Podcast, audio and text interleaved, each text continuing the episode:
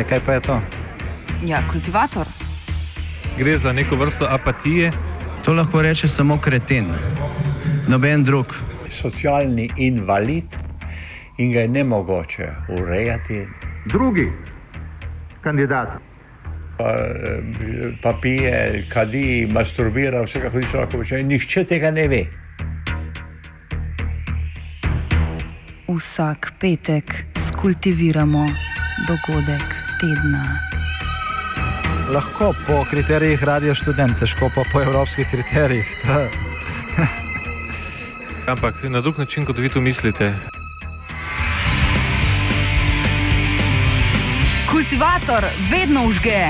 Da pač nekdo sploh omenja probleme, ki so, in da pravzaprav sploh nekdo sproži dogajanje uh, v družbi. To drži, drži. Reševanje bogatih in močnih.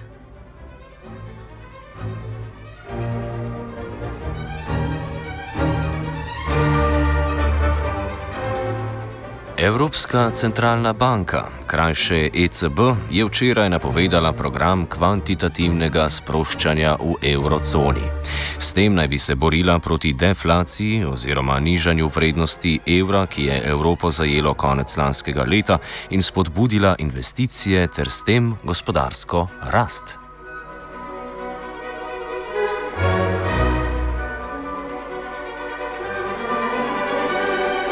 Najprej prisluhnimo Engelbertu Stockhammerju iz Londonske univerze Kingston, ki predstavi, kaj kvantitativno sproščanje sploh je. Quantitative easing is the expansion of the balance sheet uh, of a central bank. So that means that the central bank, so to speak, is printing money in order to buy financial assets. Uh, so, what the European Central Bank uh, in cooperation with the national central banks, will be doing is it will essentially be creating new money in order to buy government bonds. To finančno imetje centralne banke kupujejo od zasebnih lastnikov, večinoma bank, kamor torej Roma novo ustvarjeni denar. S to injekcijo vrh finančnega sistema dobi dodaten kapital, ki naj bi ga preko tržnih mehanizmov investiral v gospodarstvo. Poleg tega se zaradi kupovanja državnih obveznic njihov donos zmanjša, kar naj bi banke spodbudilo k ulaganju v gospodarstvo. Jack Rasmus iz Kalifornijske univerze St. Mary's predstavlja predstavi idejo kvantitativnega sproščanja. Uh, the idea is, uh, well, let's just wait. You know, this is what the capitalists believe. Let's just wait uh, and let the market uh, generate the recovery for the rest of the real economy. We'll bail out with liquidity, massive liquidity, our banks and, and our big businesses, and let's let the market do the rest. Uh, it's a new form of supply side through monetary policy, uh, neoliberalism. Um, and you've got Keynesian or quasi Keynesian economists who say, "Gee, why don't we bail out, uh, you know, the, the, the rest of the economy with uh, demand-related uh, injections uh, for, um, you know, consumers and households and workers?" Uh, well, you know, the finance capitalists who are running the show now, they don't want to do that. They want to bail themselves out first and let the market slowly recover the rest, which takes a long time. Whereas what uh, what the Keynesians are saying, well, let's bail out households first, and their increased demand will lead to increased investment, uh, and uh, businesses will come later. Problem ideje kvantitativnega sproščanja je, da njena osnovna predpostavka, to je, da bo novo ustvarjeni de denar prikapljal do realnega gospodarstva, pogosto ne drži. Institucije, ki denar prejmejo, ga namreč dobijo brez pogojev. Kot pove Erasmus v Združenih državah Amerike, kjer se kvantitativnega sproščanja poslužujejo že vse od leta 2008, finančne institucije novega denarja niso prelile v realno gospodarstvo, temveč so imele zanj drugačne plane. What they do with that is not reinvest it, at least not in the U.S. Uh, they either hoard it, they sit on it. We have uh, historic cash hoarding going on in businesses in the United States, well over two trillion dollars uh, just in the U.S. Another 2 trillion in uh, multinational companies and their offshore shelters, uh, or uh, they invested abroad. Well, the opportunities for investing abroad in EMAs is not that great, or they give it back to their shareholders in stock buybacks and dividend payouts to try to keep their stock price up. Uh, and that's the only thing that's been uh, keeping uh, the stock market up in the U.S. Uh, or they invested in financial assets. Uh, uh, but with financial asset prices declining or about to decline, uh, further in different areas like junk bonds and so forth, um, you know, that opportunity is not that great. So I think they're going to sit on the money, which they've already been doing anyway, which is a great problem in global capitalism in the advanced economies because uh, increasingly they're sitting on the money, not reinvesting it, or investing it in emerging markets, or investing it in financial assets. Uh, instead of uh, investing it in real assets that create jobs. Financial asset investment does not create jobs. To potrdi tudi Stockhammer. Uh, I agree with that statement. It is the matter of fact that despite the central banks massively increasing their balance sheets, now to give you an order of magnitude, the, the central bank balance sheets before the crisis roughly were about 10% of national income. Uh, now, in the in the U.S. and in Great Britain, they are closer to 30% of national income. So, in other words, the, the, the size of the central bank relative to the uh, to the economies have, has tripled. It, it's an enormous expansion. Given that, uh, the effect of central bank uh, of quantitative easing uh, has been fairly modest uh, if we look at credit supply, that's the, the main transmission mechanism via which it, it should operate. Uh, so that's how much credit the commercial banks are giving to the private sector, to, to firms to investors, to, to households to buy uh, houses or something like that. Uh, th- well, credit growth actually has been stagnant and in many cases falling over the, the, the last four or five years. So the effect of uh, that uh, quantitative easing has had uh, is fairly small given the amount of money uh, that is involved in it.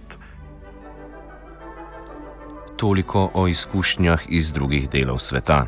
Tudi v evroobmočju, kjer bo v naslednjih dveh letih po načrtih Evropske centralne banke natisnjenega 1100 milijard evrov novega denarja, se vtegne zgoditi podobno. John Grall iz Angliške univerze Middlesex predstavi več razlogov za to. The long term rate of interest is not the only factor which determines people's spending plans. Uh, there are many other factors, uh, some of which uh, are quite uh, adverse at the moment. For example, uh, a, a, large number of uh, financial institutions, uh, banks and other financial institutions, uh, are worried about their indebtedness and are trying to reduce it. Uh, that's unlikely to uh, in, encourage a, an expansionary stance by these institutions. It, it, instead of holding government bonds, let's say claims on the German government or on it could be any uh, Eurozone government, the Slovenian government. Instead of holding those assets, they will hold balances with the European Central Bank uh, or with the central banking system. That's purely a balance sheet change. It doesn't automatically raise expenditure on current goods and services, and therefore it doesn't necessarily raise employment. Če pa finančne institucije že vlagajo, namesto doma to raje počnejo na tujem, kjer so donosi višji. Eden izmed razlogov za to je pomankanje povpraševanja v Evropi, ki je posledica varčevanja. Nadaljuje Gral. Real economic activity are not necessarily monetary factors or to do with interest rates. Uncertainty is one major problem. So also is the uh, and probably one of the most negative factors is the is the almost universal uh, drive for austerity uh, across the whole of the Eurozone, uh, which is leading to reductions in government expenditure and increases in taxation. Uh, these are very negative uh, policies for employment and economic activity. What is really required and, and would be the most effective response to the present situation would be expansionary budgetary policies, support for the production of uh, useful goods and services sustained by the public authorities. S tem se strinja tudi Stockhammer. Europe today doesn't uh, fundamentally have a financial crisis. It's not that stock markets are collapsing and banks are at the verge of bankruptcy. Uh, rather, it is, uh, so to speak, a more conventional economic crisis. Uh, it's a debt overhang crisis. It's one where a few years ago financial bubbles have burst, in particular real estate bubbles, uh, where we now have uh, high unemployment, where people are not spending, uh, firms are not investing. But fundamentally, the problem is not a lack of access to credit. Fundamentally, it's a problem of, of the trust uh, into the future, and people are worried about their jobs, and firms are worried whether can they can sell the products that they are producing. So what Europe would really need today now is a much more active fiscal policy, and this governments committed uh, to stabilizing aggregate demand and governments committed uh, to ensuring full employment or a high level of employment. Um, and Uh, the European Central Bank will not be able to, to substitute for that. Države na periferiji evroobmočja, ki jih je vrčevanje najbolj prizadelo, tudi v programu kvantitativnega sproščanja ne bodo deležne solidarnosti. Evropska centralna banka je program zasnovala tako, da bodo finančno imetje od zasebnih bank kupovale centralne banke posameznih držav in ne sama ECB. Gral o takšnem pristopu nima pozitivnega mnenja. This, this is a very uh, bad and uh, inappropriate, dysfunctional aspect of the of the policy. What it will do is force the weakest central banks, part of the central banking system, to to take on the the, the greatest amount of risk. The threat then is that uh, if a country is forced into default, or if a country uh, chooses to default or insists on restructuring its debt, then the first and most serious implication will be for the central bank of that particular country will find itself short of resources. This is contrary to the notion, very notion of a, a monetary union. It's uh, an attempt, essentially, by uh, the German government and one or two allies of the German government to avoid a, a genuine uh, monetary union with a central authority uh, central political and uh, economic authority uh, guiding policy. It's, it's a move towards fragmentation, and it will very much reduce the value of the policy, particularly in, in those uh, countries whose, whose uh, uh, financial situation is weakest and most vulnerable.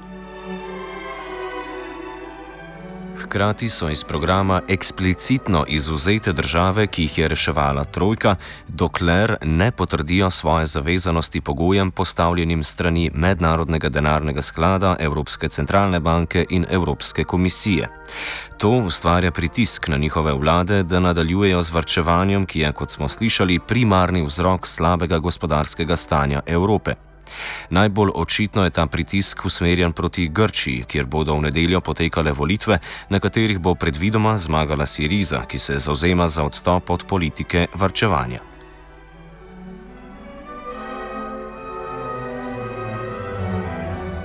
To dokazuje, da dolgo pričakovana sprememba politike Evropske centralne banke, ki naj bi bila namenjena spodbuditvi gospodarstva, to v resnici ni. Zaključi Rasmus. You know, you, you see the central banks pumping all kind of liquidity into the system over and over again. Uh, it didn't work in Japan a year and a half ago, and they're talking about even more QE in Japan. Uh, but that's because capitalists love the monetary policy solution. It puts puts money, liquidity in their pockets right away and bails them out. Uh, so they keep uh, demanding that as the solution, which really won't. Um, generate any real recovery in Europe, but it will generate uh, a kind of a boom in the stock stock markets, and that's what the wealthy really want.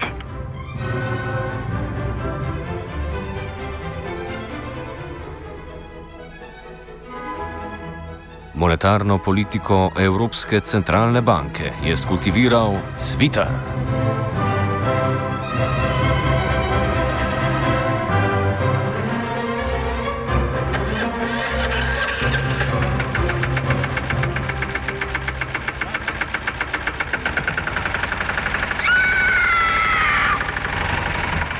Kaj pa je to?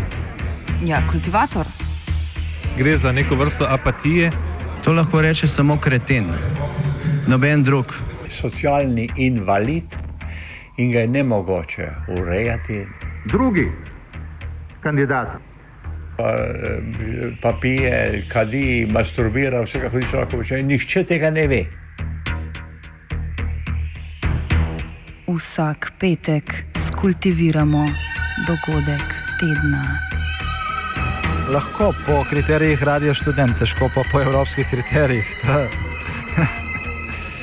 Ampak na drug način, kot vi to mislite. Kultivator vedno užge. Da pač nekdo sploh omenja probleme, ki so, in da pravzaprav sploh nekdo sproži dogajanje uh, v družbi. To drži, drži.